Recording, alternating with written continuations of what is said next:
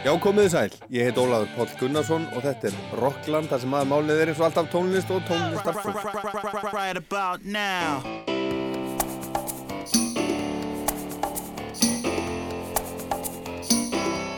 Frábært. Meiri áttar. Óli, þetta er bara eins og að borða með fórsetan.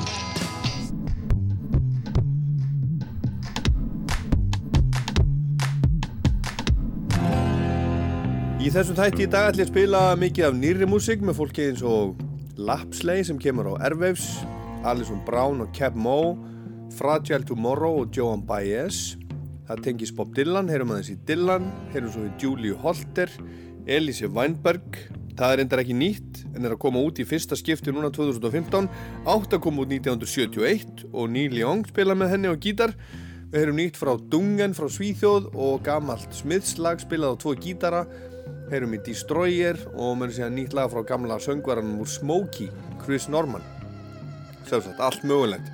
Svo heyrum við aðeins í Of Monsters and Men en ég hitti þau Nönnu og Ragga í búnisherbygginu þeirra í Hörpu um daginn þegar þau spiluðu í Reykjavík 19. ágúst áður en þau fóru svo í, í stutt frí sem er búið eða er alveg að verða búið núna. Og við skulum byrja hérna í, í Fraklandi með söngkonu sem heitir Milene Farmer og Stinger með henni. Þetta er fyrsta lægi sem hún sendi frá sér í, í tvö ár. Hún er mikil stjarnar í Fraklandi hún er fætt 1961 hún er lagasmiður, leikona hefur skrifað bækur og gert allt, allt mögulegt, fætt í Quebec í Kanada en alveg upp í Fraklandi hefur selgt meira 30 miljónir platna í Fraklandi og er bara einn stærsta tónlistar kona frakka í langan tíma og þetta er endurgerða á lægi eftir Sting sem hann gaf út 2004 sem heitir Stolen Car Milen Farmer og Sting. Late at night in summer heat. Expensive car and an empty street. There's a wire in my jacket For this is my trade It only takes a moment. Don't be afraid I can hot wire ignition some kind of star, just a poor boy in a rich man's car. Et le moteur s'allume enfin, nos vies s'enlacent. And we drive into the night. Oh, le cuir doux s'en mêle, affole ton imagination. Je te vois déjà dans une autre situation. Tu es company director, une vie de famille. J'ai ce feeling qu'il y a bien plus de choses à dire. There's some kind of complication. Il lui dit He's alone, spends the night with his lover. Il y a des traces. Tous les mots de sa maîtresse à l'oreille sont des tours. Comme une chanson d'amour.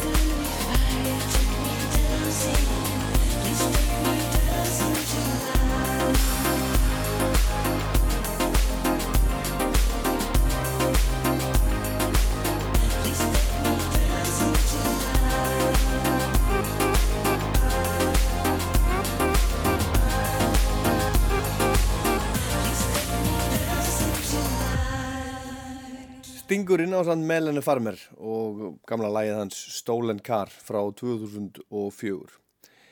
Og meira svona, en samt allt öðruvísi, Alison Brown er bandarisk tónlistakonna, ári yngri en Milene, hinn, hinn franska, fætt 1962 í bandarækjunum og spilar á banjó. Það er hennar aðaljóðfari og hún spilar á banjó með nælonstrengjum sem að, nú ekki sérstaklega algengt held ég. Hún er unni til fjölmarkra Grammy-veluna og þykir alveg svakalega flink, spila með fjölda fólks.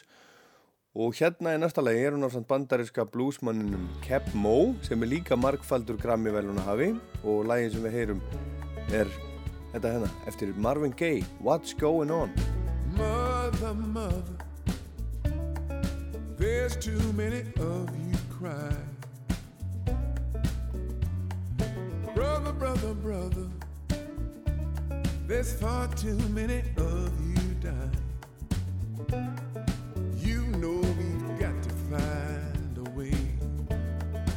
Bring some love in here today. That's right. Father, Father, we don't need to escalate. War is not the answer, for only love can conquer hate. You know that we've got to find a way to bring some love in here Picket lines and picket signs. Don't punish me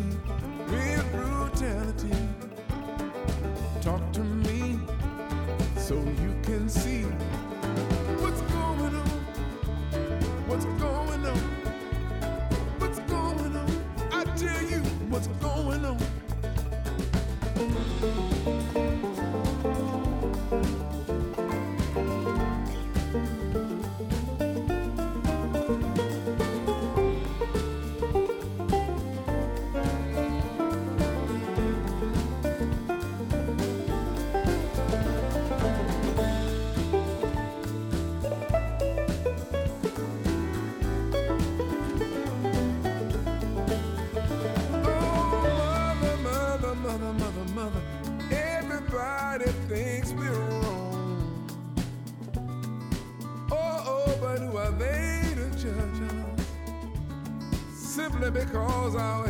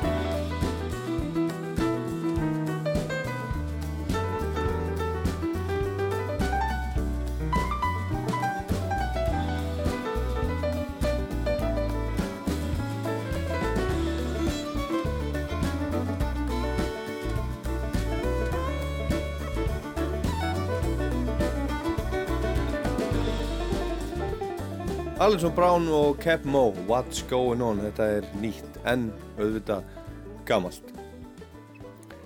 Næst erum við í hljómsveit sem heitir A Fragile Tomorrow. Ég veit ekki hvort þið hafi nokkuð tíman heyrt talað um þessa hljómsveit frá Charleston í Söður Karolínu.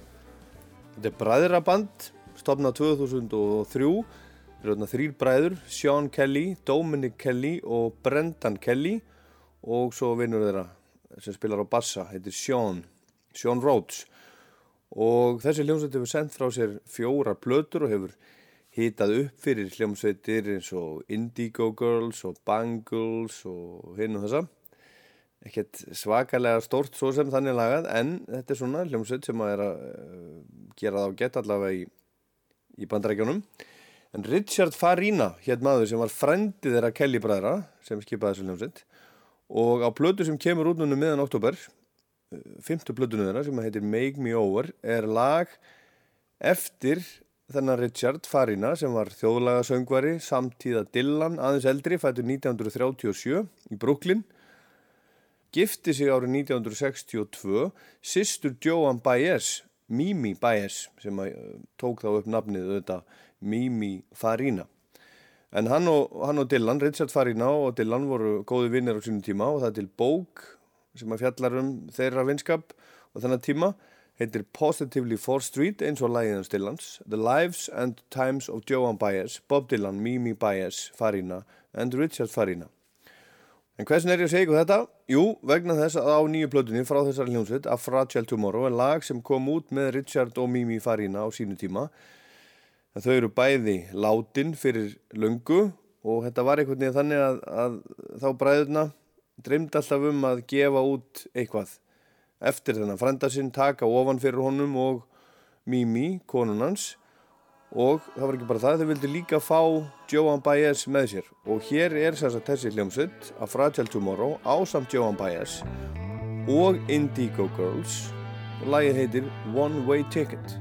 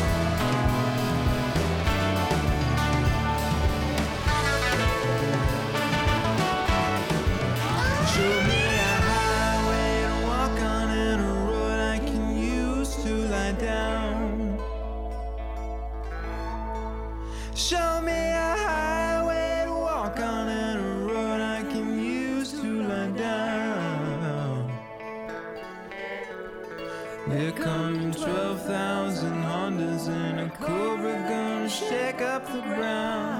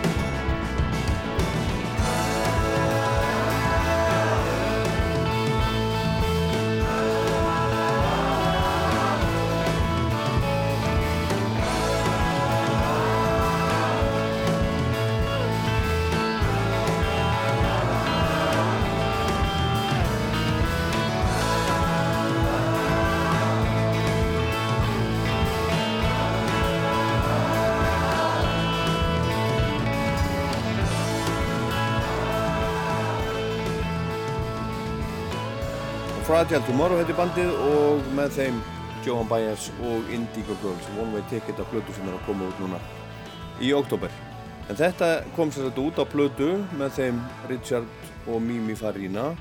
En þau náðu að gefa út tvær plötur og svo kom triða platan eftir að hann lést. En þau kynntust 1962 þegar, þegar Mimi uh, litla sýstir Johan Baez var 17 ára gömul. Þá var hann uh, þegar giftur en hann, hann skildi við konunu sína og giftist henni eða kventist henni 1963 og þau fóru að koma fram sem Mimi og Richard Farina. Og þetta er þarna akkurat þegar Dylan er að koma fram fyrst og, og veiki aðtegli í New York. En svo lest hann, hann lest í mótihjólaslýsi árið 1966 29 ára gammal þessi Richard Farina sem sagt. Og Mimi, konan hans, hún lest svo líka fyrir löngu síðan langt fyrir aldrei fram árið 2001 skulum heyra hérna ganni eitt lag með þeim tveimur 60s New York folk. Þetta heitir Pack Up Your Sorrows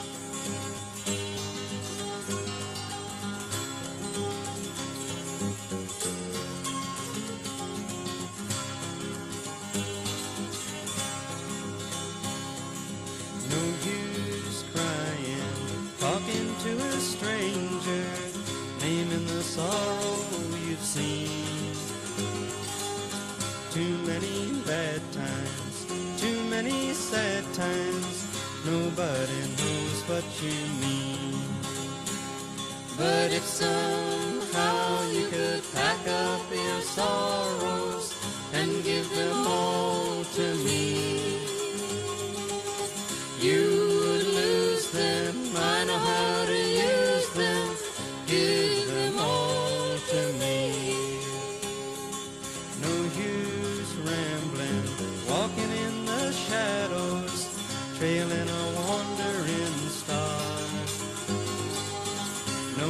beside you, no one to hide you, and nobody knows what you are.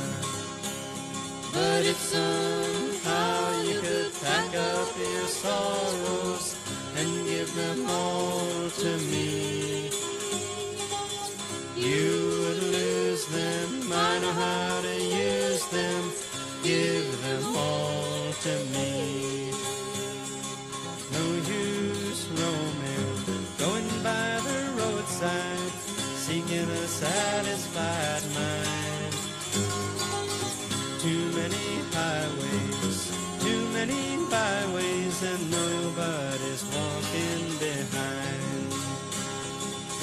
Somehow you could pack up your sorrows and give them all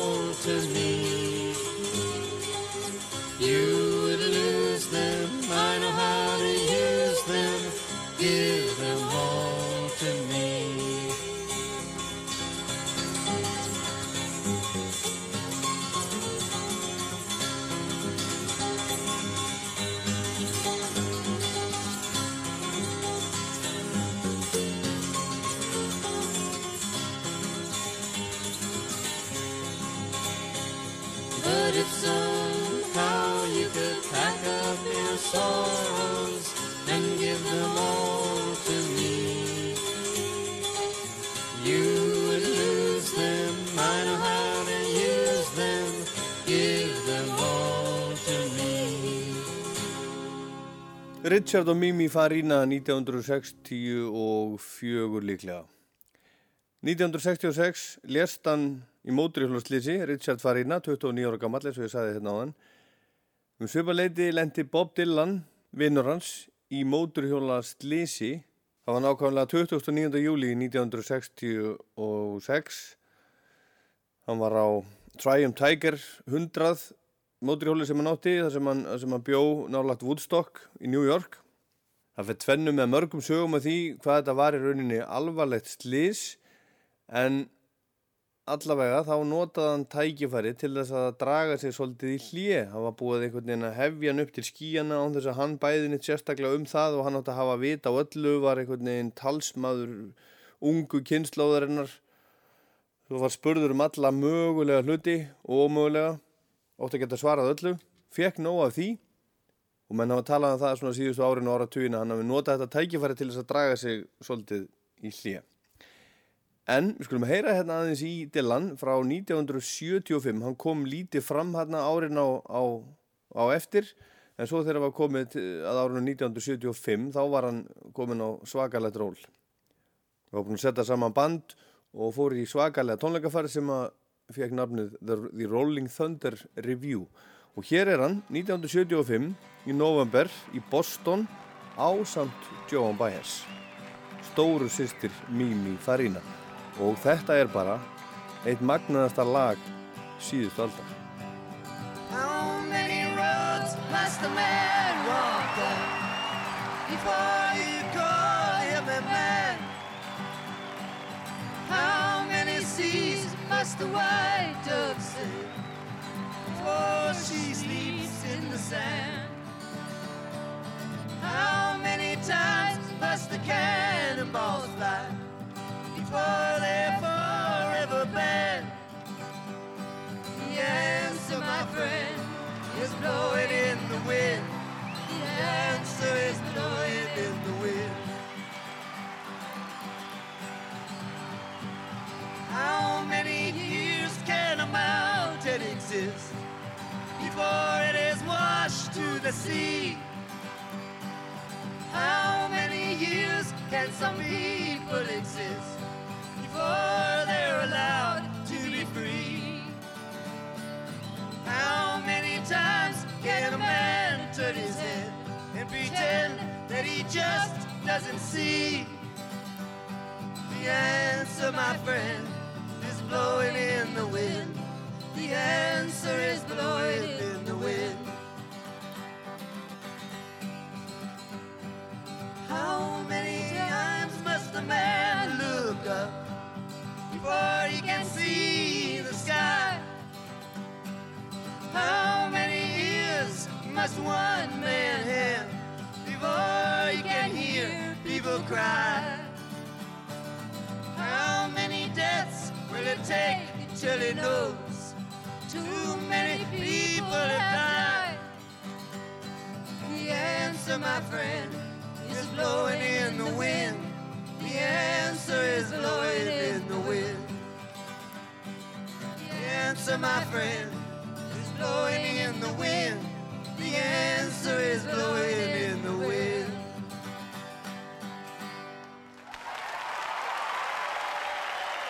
You're listening to Rockland on Rouse Tour.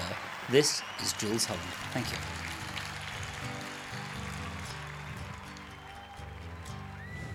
She's got everything she needs. She's an artist. She don't look back. She's got everything she needs. She's an artist. She don't look back. She can take the dark out of the nighttime and paint the daytime black.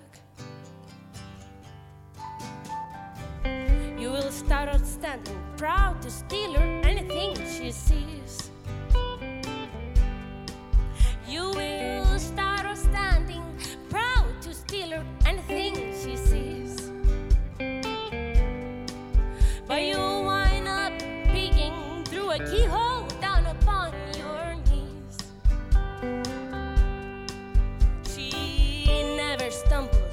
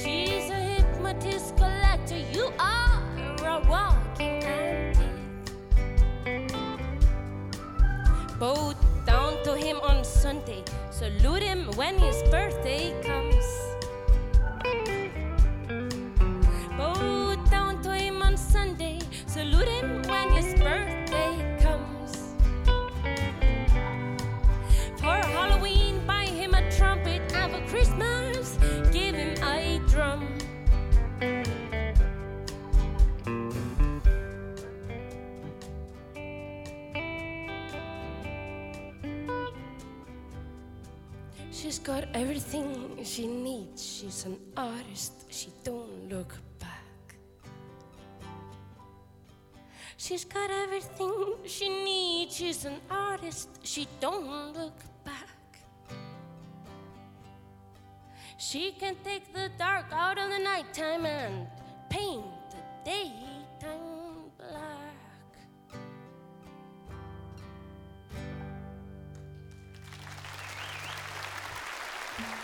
Thank you, takk fyrir kærlega. Þetta er hún Óluf Arnalds að syngja Dylan á heiðustónleikum í Silfurbergi í Hörpu í mæ 2012 sem Óttar Felix Haugsson stóð fyrir og lagið She Belongs to Me. Þetta var tekið upp á Rástvö og þarna sungu Helgi Björns og Leilo og Bubbi Mortens og Björgvin Halldórsson og Hjálmabandi það var þarna eh, spilaði með Senu þjóðarnir eða Áskist Tröstabandið eða hvað við hefum nú að kalla þann ágæta hóp bara, eða Memphis Mafíuna. Við skulum fá hérna eitt númer til viðbótar áður en við heyrum í þeim Ragga og Nönnu úr Of Monsters and Men en Dylan hann er sérkjörlega náungi hann er í rauninni eins og, eins og margir menn hann er hálfgerð ráðgáta og það er alveg sama hvað fólk les sem mikið til um að það er eins og bara þekkja hann alltaf minna og minna. En á sínu tíma þá gerðist hann áskaplega Kristinn gaf út þrjár, þrjár plötur í röð sem hafa verið, verið talað um sem svona Jesu plöturnar hans Slow Train Coming kom 1979 Saved 1980 og Shot of Love 81 Svo kom plata 83 sem að markaði svona ákveði nýtt upp á hjá honum. Þar er hann að fara svona pínlítið í aðra átt og kannski líkjast sjálfum sér aftur ef, að- ef, að- ef það er hægt að tala um það hann líkist einhvern tíman sjálfum sér en það eru með honum á þessari plötu Sly og Robbie Sly Dunbar og Robbie Shakespeare Robbie á bassa og Sly á trommur. Þannig er Mick Taylor og gítar sem var í Rolling Stones á sínum tíma og Mark Knopfler. Hann er líka upptökustjóri á þessari plötu sem heitir Infidels.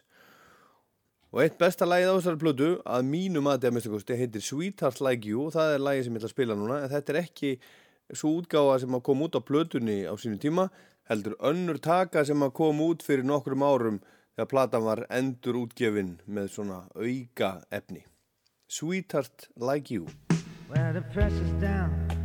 The boss ain't here. He gone up north for a while. The very last thing he said was, see you later. Uh, he did go out in style.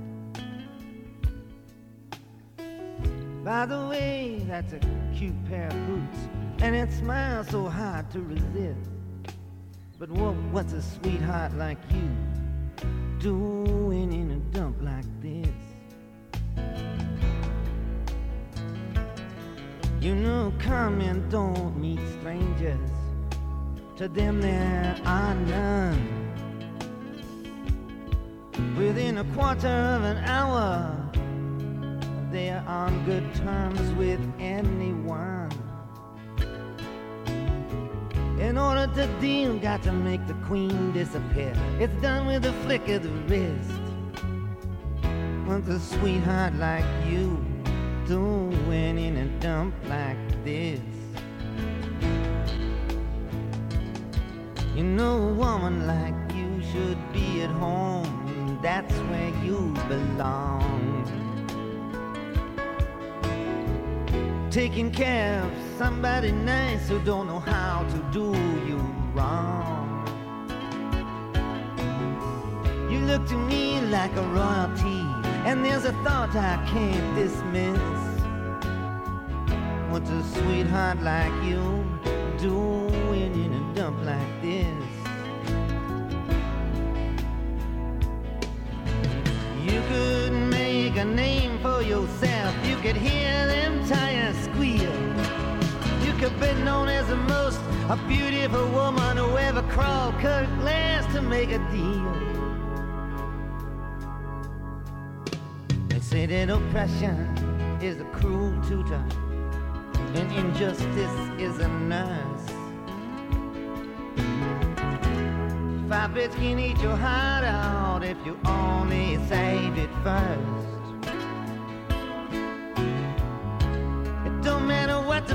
The no matter how much it just don't exist.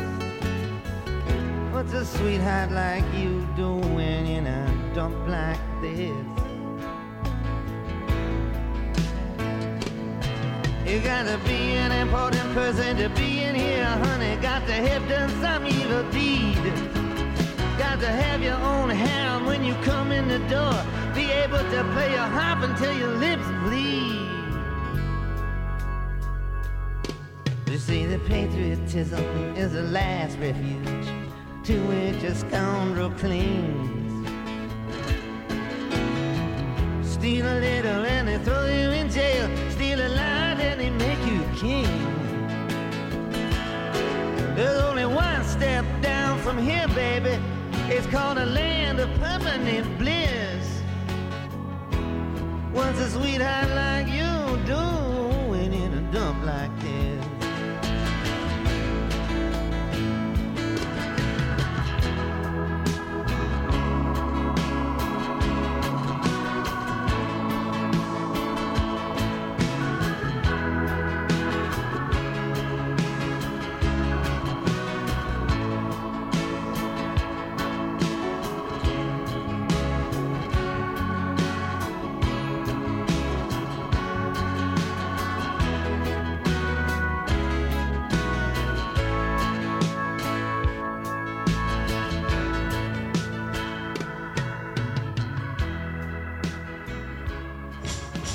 listening to Rockland on Roustford, and this is Mike Rowe, the Beach Boys, saying, stay tuned.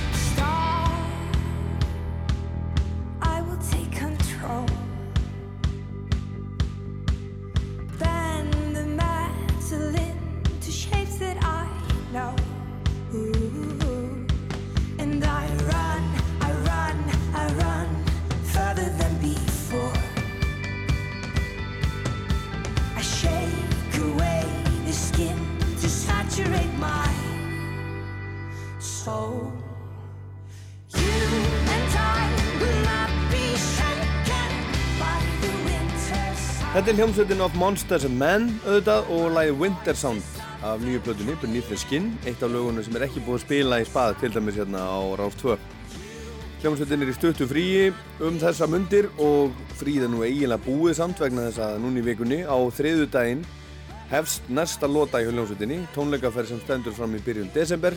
Þau spila í Philadelphia á þriðu daginn Pittsburgh á miðvíkudaginn, Toronto í Kanada á förstu daginn og svo framvegis og svo framvegis Það síðasta sem hljómsveitin gerði fyrir frí var að spila hérna í Reykjavík í Eldborg í Hörpu, tvenna tónleika fyrir tróðfullu húsi og á tónleikadag fyrir daginn tóku þau Nanna Bryndís og Raggi á móti mér í búnisherbygginu sínu í Hörpu. Við erum það með þrjár skálar gúrku. Já, Það er svolítið mikið. það er gott. Það er meira mennilega. Já, ég vil tóka bara tvær. Það er meira mennilega. Jæja, gott fólk. Hörðu, ég þetta með eitthvað blað og svona.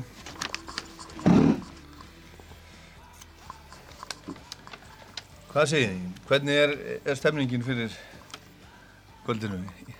Spilir Reykjavík? Já, bara mjög góð. Já, hann er Bara, bara... þú veist, spens. Ég ætla að tala svona tjóð Já, bara spen, mjög spennt. Já. Já. Eitthvað stress? er þetta eitthvað öðruvísi? Ég menna, svona komin heim eitthvað og... Þetta, þú veist, það er í rauninni ekkert öðruvísi. Þetta er bara, bara tónleikar, sko. Já. En svo við gerum alltaf. En þarna, þú veist, það er bara, þú veist, mamma og pappi og svona andlit sem maður þekkir og í krátinu. Og, Já. þú veist, mamma munir örugglega standa upp, þú veist, í miður sett og byrja að dansa. Það er enginn í staðin upp og svona. Já. Hvað þannig? Já. Stress fyrir því. Já, en það, það, ég ímynda mér samt að það sé öðruvísi, þeir eru svona, þú veist, þeir eru einhver starf, ímynda mér að, hljó, að hljómsveitir séu almennt svona frjálsari einhvern veginn þegar það er að spila einhver staðar í Já. Ástralíu eða eitthvað. Já, það er einhvern 1-0. veginn. Já. 2-0. Uss, uss, uss, uss. Já, það er, ég meina, það, það er það að geta bara, þú veist, pakka á farið Já.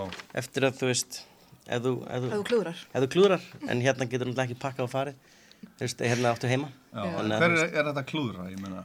Nei. Nei, það er nei. samt alveg bara, mér finnst alltaf þegar, þegar eitthvað klúðrast, þá einhvern veginn verður að, það er, mér það skemmtilegt. Já, Það er einhvern bara veginn býr til eitthvað svona eftirminnilegt moment og það má alveg stundum algjörlega. alveg smá svona, þú veist, það er bara gaman. Já, maður er ekki að elda sér fullkomleikan í hvert eins skipti. Nei. Bara skemmta sér. Já.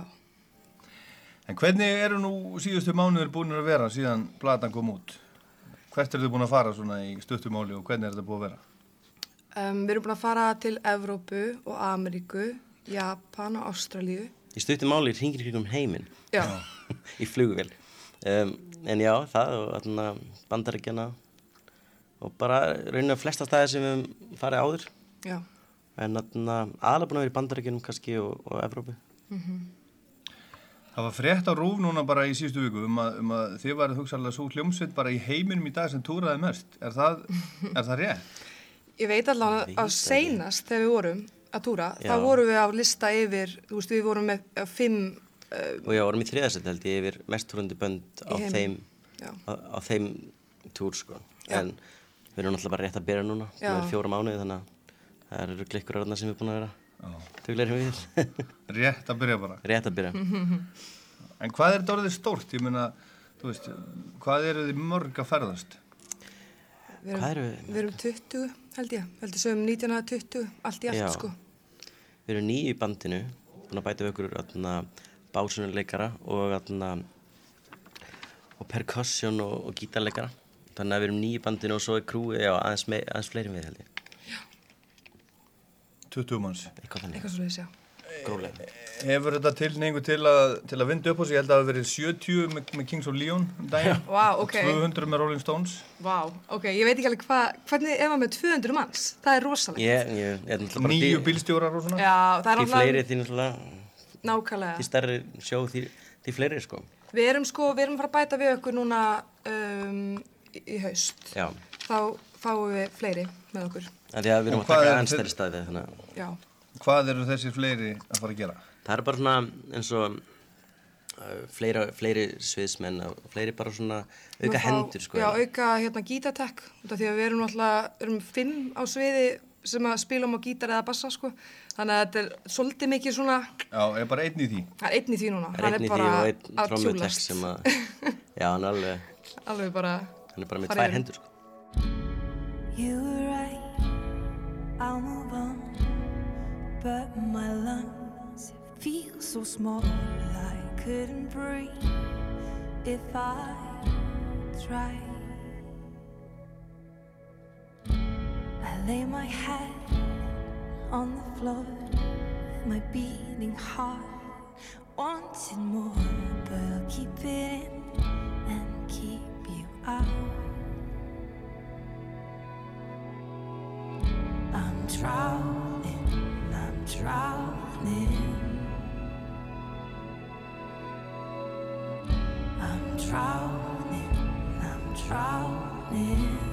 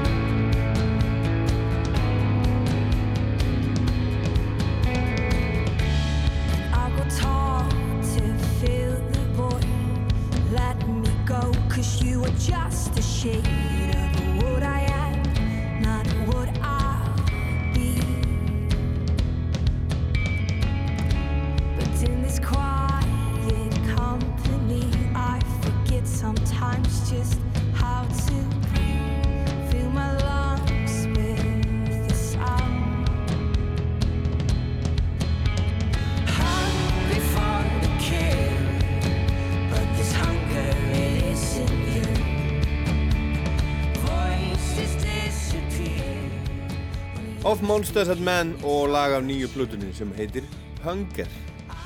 Er þetta, ég sá bara eitthvað í gæri eitthvað, eitthvað, eitthvað sem Sinead O'Connor var að setja á neti. Já, ég las það líka. Það var eitthvað, eitthvað einhver, einhver reikningur, eitthvað uppgjör sko. Já. Þú veist, það sem að hún fór og túraði, spilaði einhver nokkuð gig, hún kom út úr því sjálfu mínus. Allir fengur borgað, hún þurfti að borga með sér, hellinga, meni, er, er, er þetta svona? Meni, er þetta bara eitthvað svona ekkert nema fyrirhöfnun og kostnaðurinn og, og ekkert upp úr því hafa? Nei, nei, en, en þetta er samt, þú veist, þannig að þú þarft að, þú þú ert með menn í vinnu, þá þarftu náttúrulega að borga þeim áður en þú borga þér, það er bara basic. Og það er þannig, en, þarna, en oftast ef að bara túrin er vel settur upp og, þarna, og þú, já, þú ert með eitthvað plan, þá, þarna, þá, þá er þetta oftast bara í lagi, sko. En svo líka svo mismunandi eins og þú veist, eins og við fórum til Ástralíu núna og þú veist, við, vorum, við komum ekkert plúðis úr því, skiljið. Og hérna, en svo, þú veist, þú ferð á okkur markað til þess að rauninni svolítið promóta þig og svona og hæ, hérna eru við, þú veist, gaman kynnistökur og síðan þú ferð næst, sko, þá kannski Já. er það að fara að fá eitthvað. En þú veist það, eins og þess vegna fannst mér skrítið þarna, þegar sem ég las, það sem hún skrifaði, en þú veist, við fórum til Ástralíu, við vissum að við varum ekki að fara grænt á þessum túr, þetta, þetta var rauninni bara til þess að promóta okkur og svo ætlum við að fara aftur ángað og vonandi gengur, þú veist, getum við gert eitthvað þá, en þú veist, það var allan að markmiðið var bara að fara þarna og sína sig, sko, og Mhm. þá að kostar það pening. Akkurat. En, en platan, Já. hún hefur selst vel, hún, hún fór í, í, í þriðja sæti á vinsaldalistanum í Ameríku. Hvernig, hvernig fannst ykkur, ykkur það nú? Og fyrsta sæti í Kanada? Já, bara, þú veist, ótrúlegt, ótrúlega gaman að, að skilji, fólk skilji taka svona vel í það. Mhm. Og já, það er bara, maður hefur fá orðið yfir þetta, sko. Já, en, en sko, ég, tal, ég tók síma við tal við, við hérna, trommarinn í Kings of Leon um daginn. Já. Og var að spura einhvers að það þekkti einhverja músík og hann sagði, já, ég þekki hérna, þú veist, Björk og eitthvað svona, en, Mhm. en of Monsters and Men, sagði ég, já, ég þekki þau, en hann vissi ekki að þau varu, að sem sagt íslensk hljómsveit. Já. Já, já. Hvað gerir þið mikið úr því að, að svona halda því á, því á lofti? Og, og, og skiptir það einhverjum Sko, máli? mér finnst við ekki endilega að gera eitthvað, eða sko, við erum náttúrulega bara eins og flestir Íslandingar og getum við hægt að tala um það að við séum frá Íslandi, þú veist, og hérna, en við samt leggjum ekki það mikið upp úr því, en við erum alltaf spurðið um þetta í viðtölum, það Já. er bara, það klikkar ekki og það er alltaf Sko- eitthvað, já, núna hefur verið að fljúa hérðan til Íslands, hvað er að gera á Íslandi, Við erum, við erum lappandi í Æslandi er og Íslands auðlýsing, sko. Fyrir einsta viðtal, það kemur, komst ekki hjá því, sko. Nei. En já, við erum ekkert eitthvað mikið að, veist, við erum ekkert að alltaf að segja það eitthvað, veist, við erum að spila eitthvað, en, en ég ég held að flestir sem það. Já, þú veist, skilur, kannski, hérna, þú veist, þú kannski veist það ekki bara eins og þú veist ekki að, þú veist, einhver sé frá einhverju landi, eða þú veist, þú veist, um leið að þú veist kannski aðeins meira um okkur, þá, þá held ég að kannist alveg við það, sko. Já.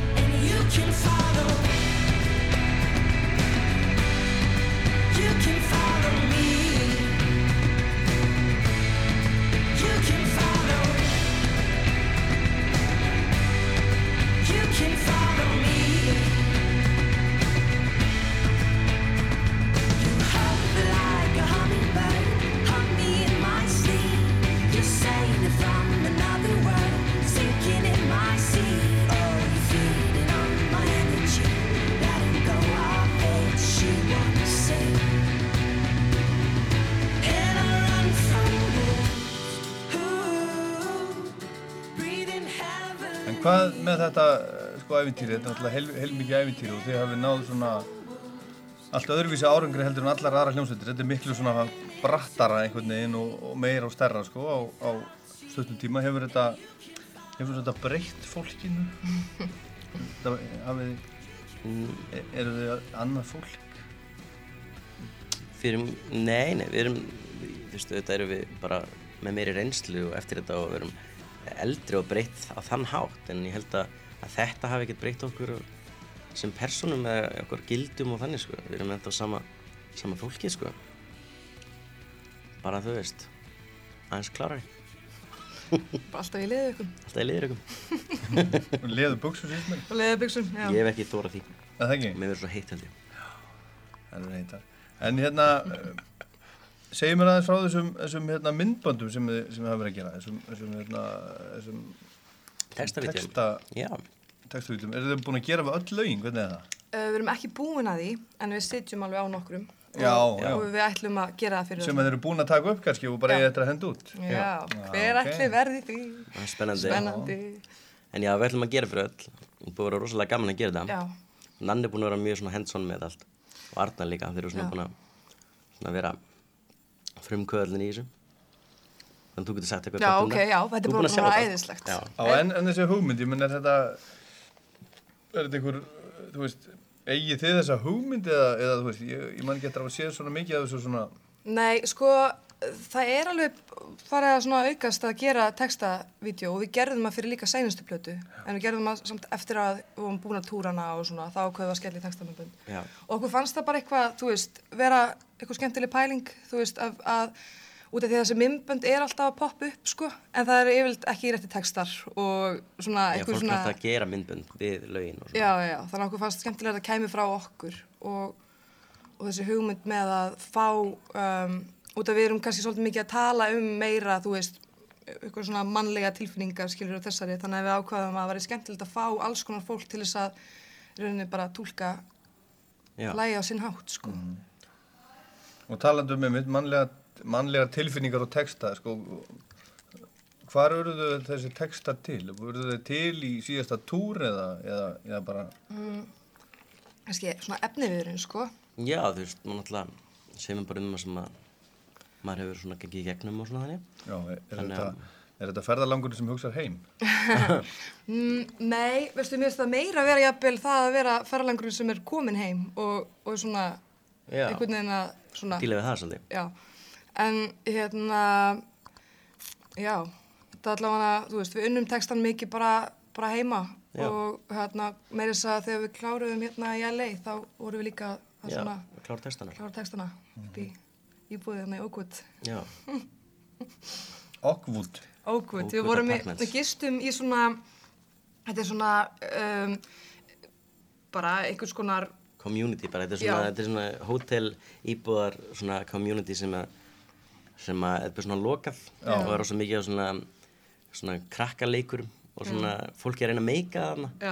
Ungum töframönnum og fleira. Þetta var rosalega spes. Þetta er hérna í Burbank. uh, Burbank í, í Los Angeles. Já, já, já. já. Það sem við kláruðum plötuna sko. Já, Já, Það var heldur fyndin upplifin sko. Mhm. Og þar voruð að vinna með honum hann að Ritz Kosti. Af hverju, eða hver vald, þú veist, völdu þið hann eða, eða, eða hafði hann samband við ykkur eða?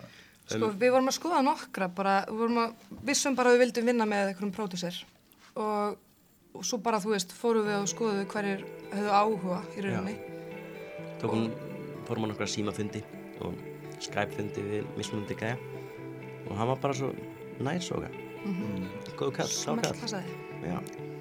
Góðu kall, það er skipti máli í þessu öllu saman. En þetta er Rockland og Rockland heldur áfram hérna á eftir og þá segja þau okkur meira þau Nanna Bryndís og Raggi úr Of Monsters and Men og svo heyrum við fullt af splungu nýri músík sem þið hafi aldrei heyrt áður. Ég lofa því.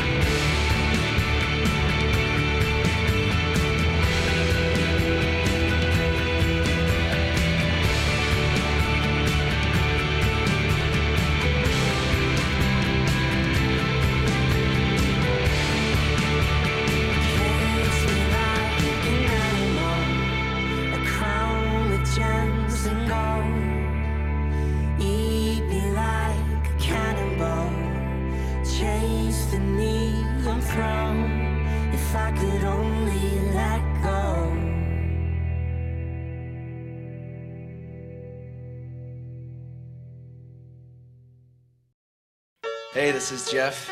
And this is Jay. From Mercury Rev, and you're listening to Icelandic National Radio 2, Rockland. And it is a rocky land.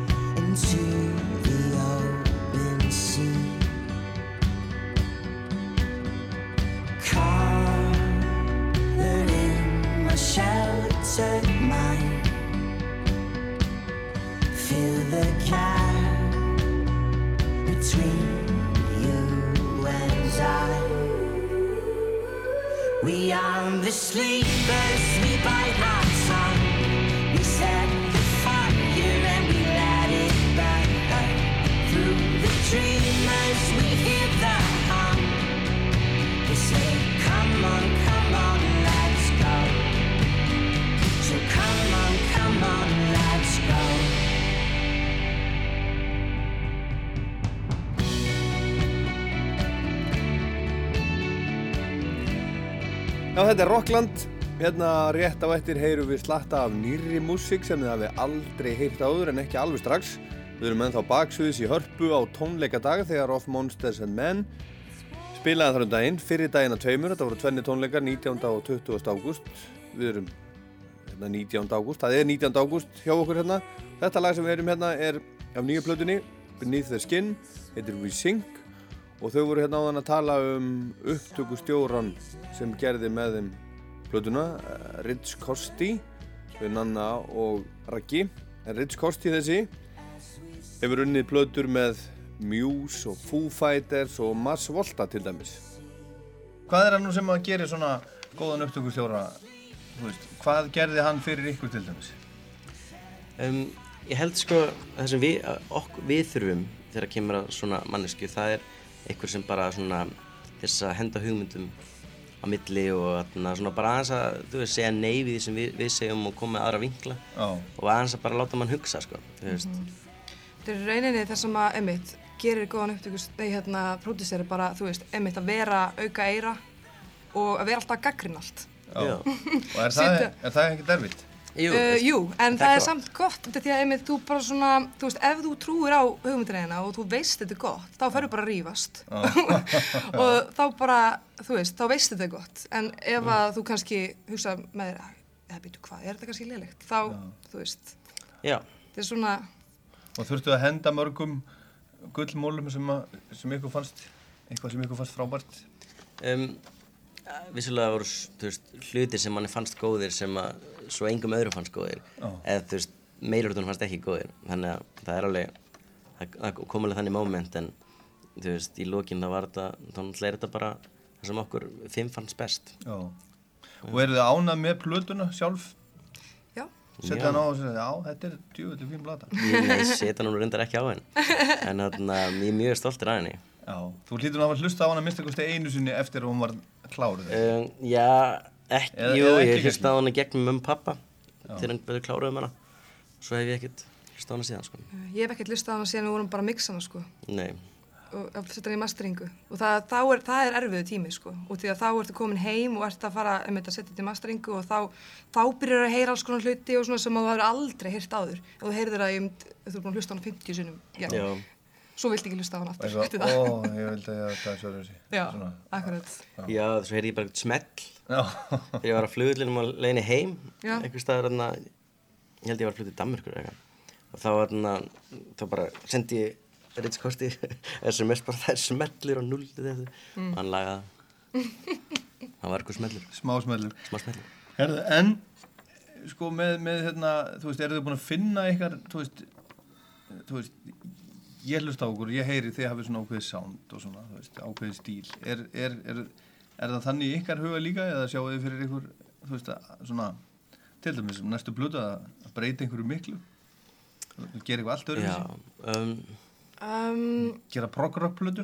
gera prog-rock plötu bara ég held að við munum aldrei taka ákvörðun um hvernig plötu allan þetta verður allt bara svona eins og mun- eins og maður líður bara Já, Nei, já. að því að við komum öll inn með ákveðnar hugmyndin en svo breytist það alltaf hvað sem er en En það er náttúrulega kannski með þetta ákveðna sound þegar við fimm komum saman og erum öll með eitthvað ákveðnar hugmyndir um hvað við ætlum að gera. Og svo Já. endar það eins og það endar. Þú veist, það er bara koma ákveðnir já, karakter í gegn. Ég, en þú veist, mér finnst þetta eins og þessi sem plata sandar, mér finnst við vera á leiðin eitthvert en ég held við séum ekki alveg þar sko, þessari. To travel the sea.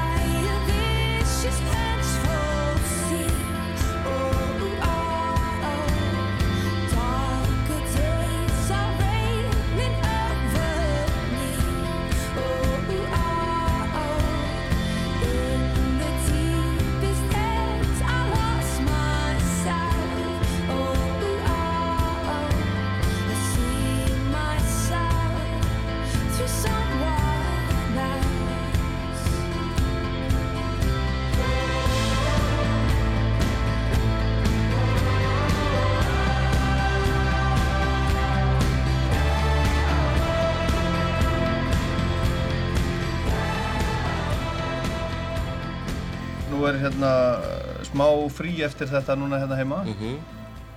Hvað ætla að gera? Ferðast? Já, ég er að fara bara ég er að fara strax bara eitthvað, Já, hún er að fara beint ég er klikuð Sem sagt til útlanda? Nei, ég ætla bara að ferðast þarna innanlands sko. Já, já. já. Bara Það er aðeins tjaldi vestfyrði og svona, já, aðeins að kíkja Lappa á fjöll kannski? Já, hugsanlega Vel gert En þú? Um, ég ætla bara að vera hérna í bænum og, og hitta vini og svo, svo fer ég reglulega til Danmarku til kæristunar bara, þú veist, eitthvað tíman í miðin á þessum frí Ætlið að halda áfram að gera út hérðan eða er það að hugsa um að, hugsa um að fara eitthvað? Flytja til útlanda? Flytja til Gera út þaðan? útlanda. Hefur þetta verið rætt eitthvað? um, Þetta hefur eiginlega aldrei verið rætt af einhverju alvöru Það verður aldrei bara verið í, í myndinni sko. Nei, Það er ekkert gaman að vera úti og vinna úti og hvenær kemur það að hinga líka maður, einmitt, þú veist, við erum hérna úti að túra og svo er eiginlega annarkver maður með heimþrá allan tíman Já. þannig að ég held að það sé bara gott að koma heim sko. Já. Og er búið að setja niður settlistan fyrir kvöldið? Og hvað er þetta mikið eins? Ég meina, þú veist, er þetta alltaf, er þetta eins og Erik Clapton, er alltaf sama settið? Nei, við, við erum, líka erum svolítið að fatta svona hvernig við viljum að sjóið komi út, sko. Þannig Já. að við erum alltaf aðeins að breyta, sko. En það er alltaf svona, þess við erum alltaf að koma nærði því sem okkur finnst vera svona gullni settlistin fyrir okkur og, En við erum alltaf að skipta út kannski nokkrum lögum hér og En þar svo breytist líka alltaf. Svo allt í einu bara eitthvað, ef maður er í feeling fyrir eitthvað annað og svona. Já, En við ætlum allavega að, þú veist, við erum ekki alveg búin að ákveða settlistan í kvöld, en við erum að vinna í honum. ætlum að taka mikið bara mest allar nýju plötuna allan og atna, svo hendin einhverjum með eldri lögum Hvað með rússadeiluna, ætlaði að spila í Rúslandi? Hvað finnst ykkur um makríldeiluna? Stýrivestir komin í 5,5%? Já. Bara þess, ég er ekki neitt. Herðu, takk fyrir spjallið. Takk að þið. Góða skemmtur í kvöld og á morgun. Já, takk. Takk. Og, og hafið það gott í fríinu og, og takk fyrir að gefa ykkur tíma í að spjalla. Takk að þið hérlega. Takk fyrir. Takk. I am sorry, this is always how it goes.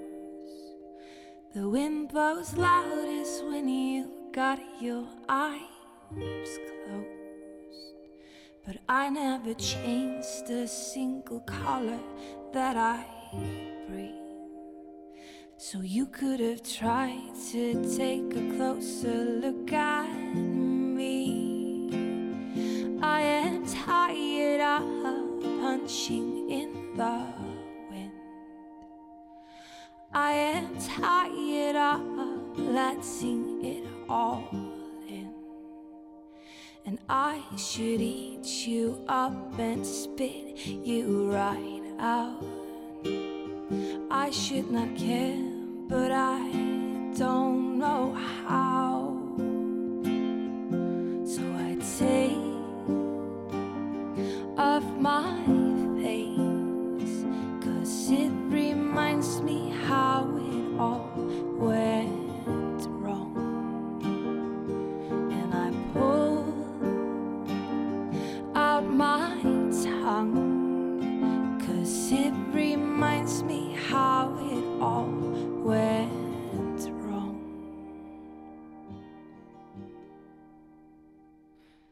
I am sorry for the trouble, I suppose.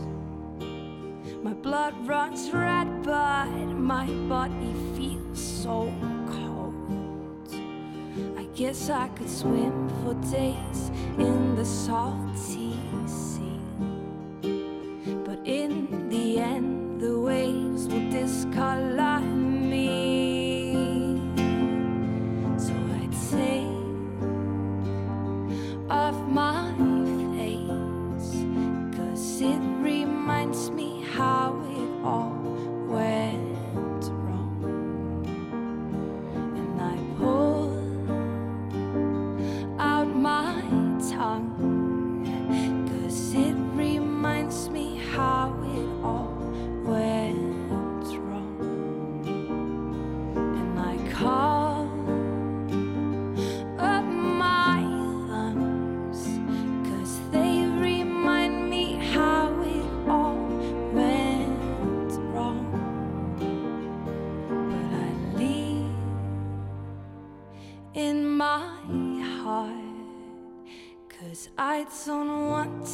Stay in the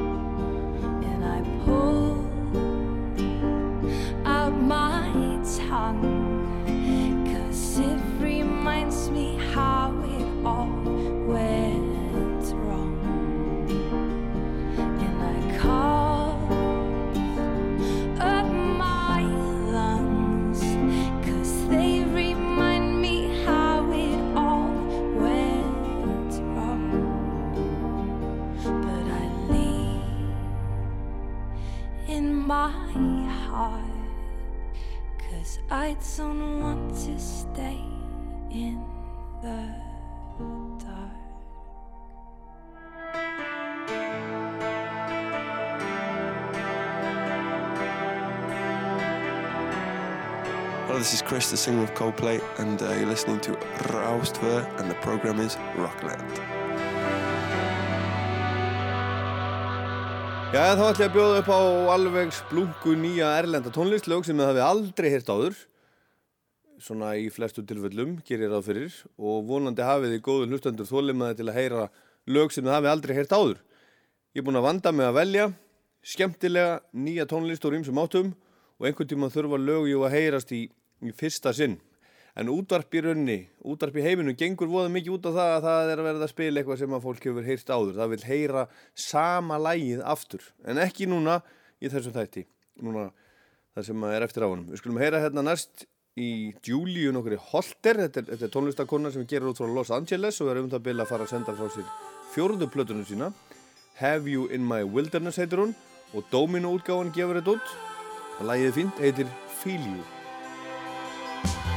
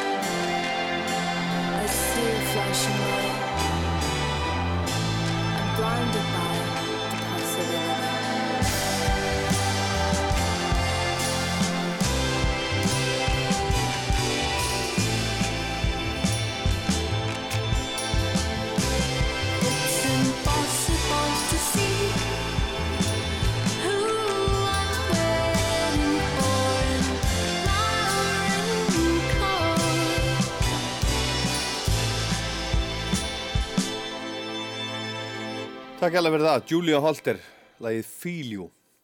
Og næsta kona sem ætlar að syngja fyrir okkur verður á erfæfsháttíðinni núna í november. Hún er nýjórið 19 ára gömul, heitir Holly Fletcher, kallar sér Lapsley. Fætt og alin upp í Southport á Englandi sem er nálægt Liverpool.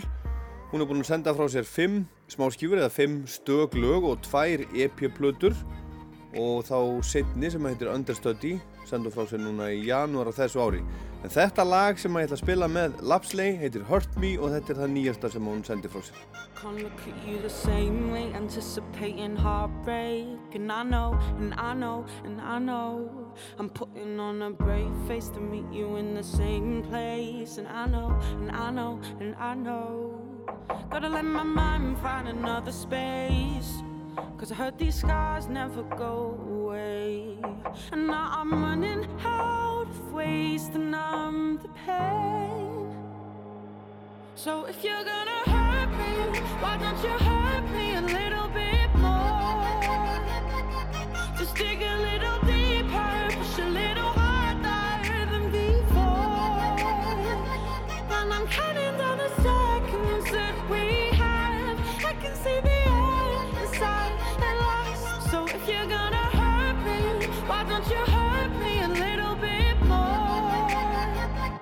Like breathing underwater, where's the law and order? I don't know, I don't know, I don't know. You're sitting in the corner, hiding till it's over. And it shows, and it shows, and it shows.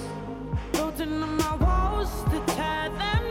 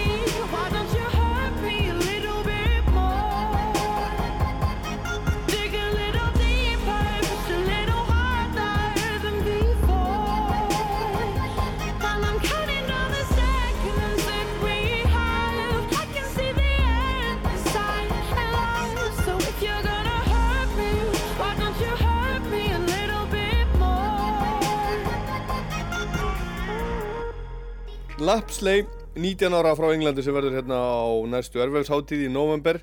Hún lendi á, á listanum sem að BBC setur saman í ár hvert sem heitir Sound of the Year. BBC Sound of the Year, þetta, þetta, þetta eru þeir sem að þið fylgjast með á árinu. Hún, hún lendi þar á þeim lista.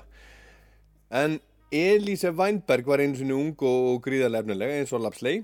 Hún var ung söngkona með stóra drauma, kom til Los Angeles á sjönda áratögnum í þeim tilgangi að freista gæfunar, vildi gefa út plötur og syngja og verða fræg og það allt saman.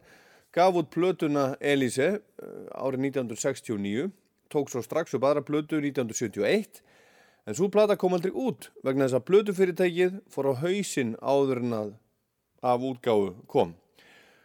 Hún leitaði þá til David Geffen sem hún kannaðist við var svona í sömu græðsu og hann og hann var þá nýbúinn að stopna Asylum útgáfuna. Hún gerði sér samning við Asylum, tók upp þriðuplötuna en hún kom aldrei út heldur. Og það var til þess að Elise þessi gafst upp, sagði skili við allt saman og bara hætti í bransanum. En það er ekki fyrir núna árið 2015 hugsið ykkur, öllum þessum árum setna að önnur plataninnar, þessi sem hún tók um 1971 og heitir Grease Paint Smile er að koma út og það sem er merkilegt við allt saman er að þeir sem að spila með henni Elise á þessari plötu eru menn eins og Nils Lofgren sem hefur verið fastu maður í E-Street bandi Bruce Springsteen í áratugi J.D. Souther sem er, er tengdur Eagles og var uh, semja fyrir þá á þessum tíma og Neil Young the one and only auk þess sem upptökustjóri var vinur Nils David Briggs sem að vann mikið með, með Crazy Horse unni mikið með Neil Young kemur tíðina og hérna skulum við heyra laga þessari plötu með henni Elise Weinberg. Lagi heitir Houses og þarna spilar með henni á gítar Neil Young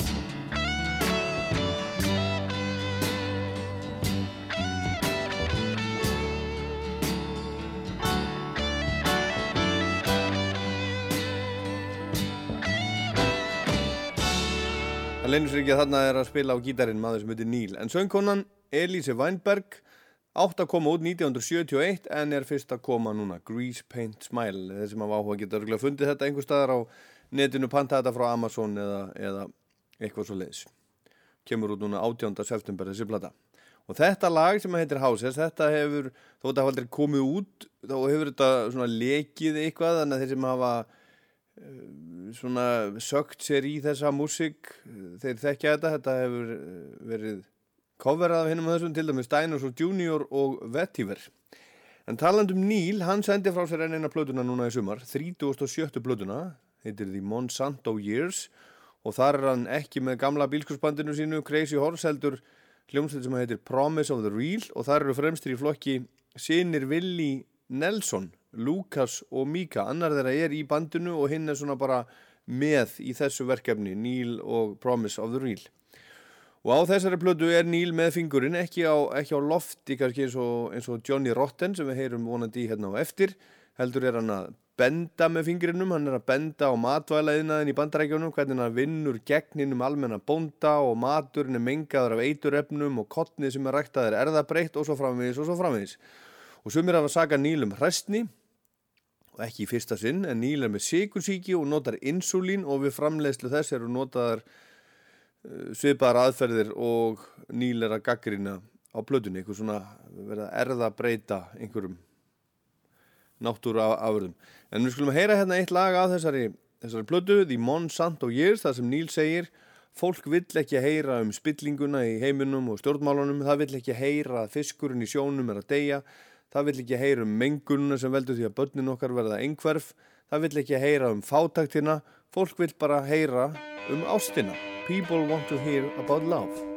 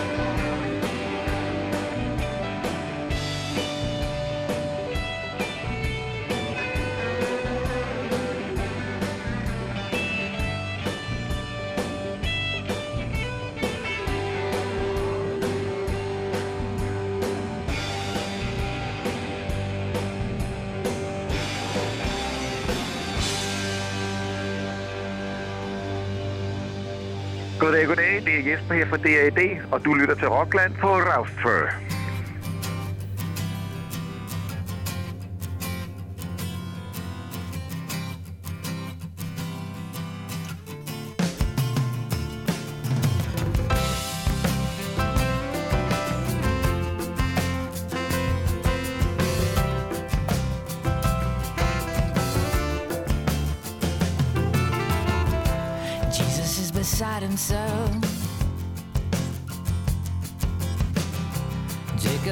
State of decimation.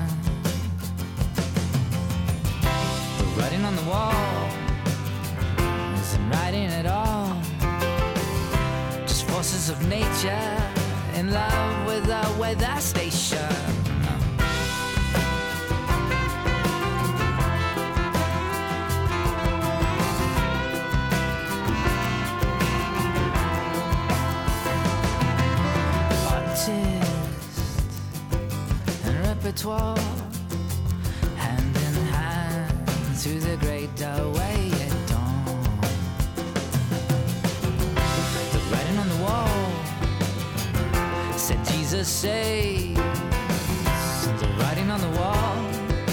honey playing a game with the waves. You can follow a rose wherever it grows. So you could fall in love with Times Square.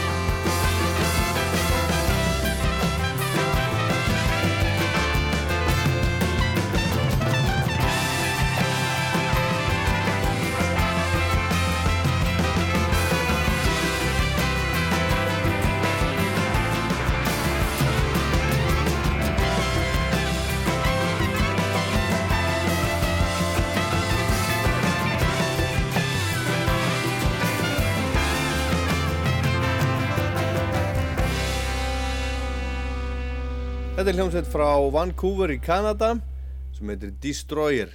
Og þetta er lag eh, sem heitir Times Square þetta er að finna á tíundu blödu þessara sveitar sem er, er, er ný komin út.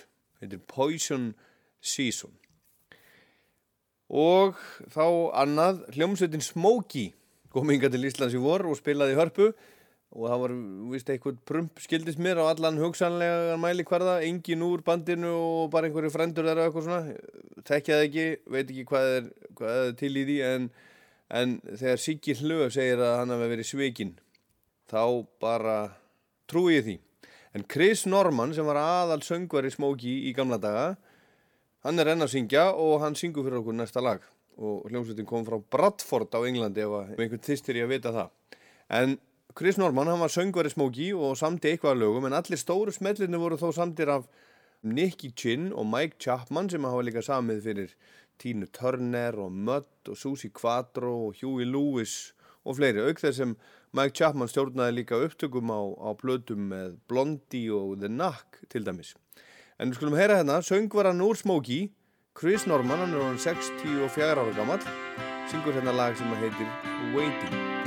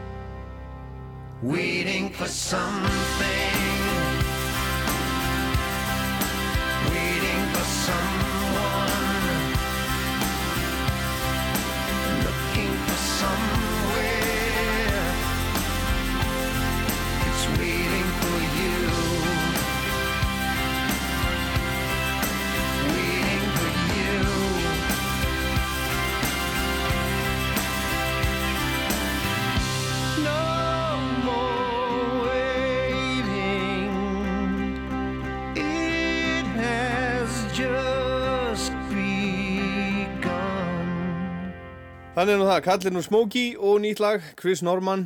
Og hér kemur svo næst lag úr smiðju The Smiths. Þetta er sagt Smiths lag, gammalt Real Around the Fountain en alls ekki flutt hérna af Smiths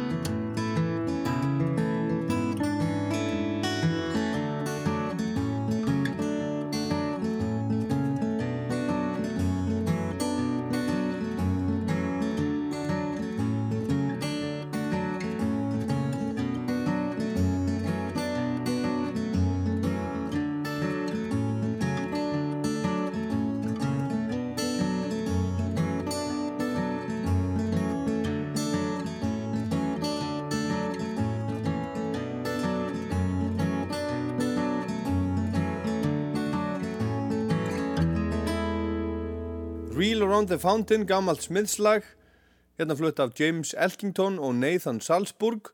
Þetta eru, eru gítarleikara sem hafa unnið með Jeff Tweedy úr Wilco og þeir hafa unnið með Richard Thompson og svona flinkir gítarleikarar og þeir voru að senda frá sér blötu saman sem heitir Amseis og þar eru lög eftir þá sjálfa og líka eftir Duke Ellington og Smiths. Þetta er sagt eitt af þessum lögum, Reel Around the Fountain. En þá er nú bara komið að lokum Rocklands og ég ætla að vona þið þólið annað lag sem er ekki sungið.